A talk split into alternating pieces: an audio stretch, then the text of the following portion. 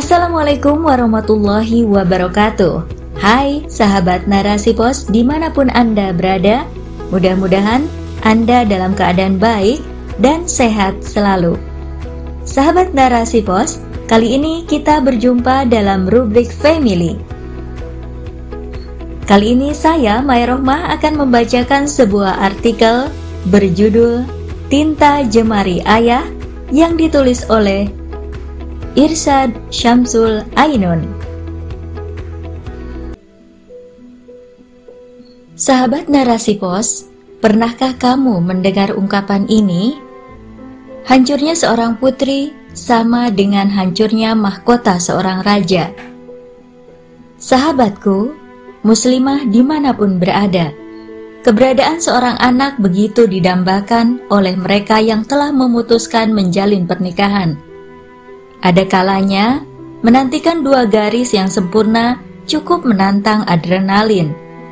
Meski di luaran juga ada yang sampai keringat dingin dengan berharap tidak ada garis itu yang muncul pada layar.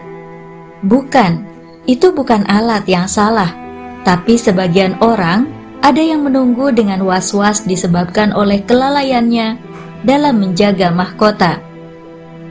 Kemudian dari dua garis, ada yang berubah menjadi bahagia, tangis, dan haru. Dan di sisi lain, ada pula yang merasakan ketakutan. Seiring berjalannya waktu, sosok di balik dua garis berubah jadi rupa yang indah, mungil, dan it's beautiful. Jika ia laki-laki, maka berubahlah jadi sosok yang gagah. Dirawat dengan penuh cinta oleh ayah dan ibunya. Dibesarkan dengan penuh kasih sayang, bahkan ada yang sejak lahir diberi dengan fasilitas memadai. Ini tentu bukan hanya fasilitas pada umumnya, ada yang sampai pada fasilitas gawai. Anak sekecil cabai Kok sudah ada gawainya? Lah, iya, untuk mengantisipasi agar anak tak mengganggu ibu dan ayah ketika bekerja. Biar anteng, mudah diatur, tidak rewel, dan sebagainya. Pak, Bu, Bunda, Ayah, tolong. Aku masih kecil, Bu, Pak. Jangan gadaikan masa depanku dengan benda pipih ini. Aku butuh ayah dan bunda untuk mengisi hari-hariku, mengisi lembaran hidupku dengan berbagai warna. Bukan warna hitam pekat, Bu. Bukan. Aku butuh suasana bermain bersama ayah bunda agar otot motorikku terjaga dan terbentuk sebagaimana mestinya. Andai ayah dan bunda tahu isi kepala anak kecil, Kira-kira gambarannya seperti percakapan di atas. Tidak butuh gawai. Mereka butuh perhatian penuh dari pihak orang tua. Wallahi bunda, tugasmu bukan hanya 3M, melahirkan, menyusui, dan merawat. Begitu pula ayah, bukan hanya mencari nafkah. Lebih dari itu, ada tugas mendidik, menjadikan aku sebagai makhluk yang berwarna Islam. Bukankah jelas bahwa aku sebagai anak lahir dalam keadaan yang fitrah atau Islam seperti sabda Rasulullah Shallallahu alaihi wasallam.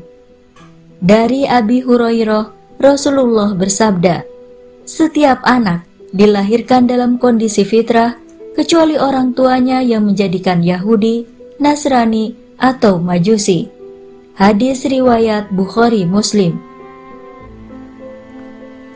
Ayah bunda, dalam menentukan pendidikan buah hati, orang tua perlu memastikan untuk menjaga fitrah tersebut agar tidak keluar dari relnya. Ia butuh lingkungan yang kondusif, capaian pendidikan pun bukan hanya orientasi nilai akademik, tetapi lebih dari itu, sang anak membutuhkan capaian nilai spiritual, yakni akidah dan akhlak yang baik. Pertanyaannya, siapa yang memiliki tugas untuk menjaga fitrah anak? Apakah hanya sekolah? Tidak, tidak ayah bunda. tugas itu perlu diemban orang tua sejak dini juga.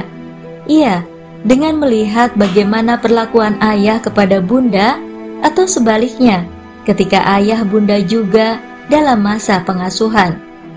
Sayang, penjagaan fitrah anak terkadang hanya dilakukan oleh satu pihak, yakni bunda, sedangkan para ayah tak lagi terlibat dalam pengasuhan dengan alasan mereka telah lelah seharian penuh dalam mencari nafkah. Bagaimana dengan bunda? Bunda juga pasti lelah, bukan? Namun, fakta di lapangan Kelelahan bunda dalam mengurus anak, suami, dan rumah tangga tak juga mengubah pola pengasuhan. Akibatnya, saat ayah lalai dalam pengasuhan anak, maka terjadilah kerenggangan hubungan yang berujung pada rapuhnya batin anak, baik perempuan maupun laki-laki. Tak dapat dimungkiri, jiwa kepemimpinan anak laki-laki hilang, rasa tanggung jawabnya pun demikian tipis hingga ia mudah menggoyang anak perempuan tanpa rasa bersalah. Perempuan juga sama, mudah menerima perlakuan laki-laki dengan modal janji dan kata manis bak madu. Nauzubillah. Sahabatku muslimah, semoga peran ayah, calon suami, dan kita sebagai muslimah pemilik rahim kehidupan untuk kini dan nanti semoga tidak tergerus oleh zaman untuk terus membekali diri dengan pemahaman Islam kafah, sehingga kita mampu dan memiliki tujuan mulia dengan melahirkan generasi unggul berdaya guna yang islami, cerdas akidah, intelektual, dan terwujud dengan akhlak mulia, menjaga kehormatan dan kemuliaan sebagai wanita, serta para lelaki menjadi pelindung rusuk yang bertanggung jawab. Wallahu a'lam bisawab.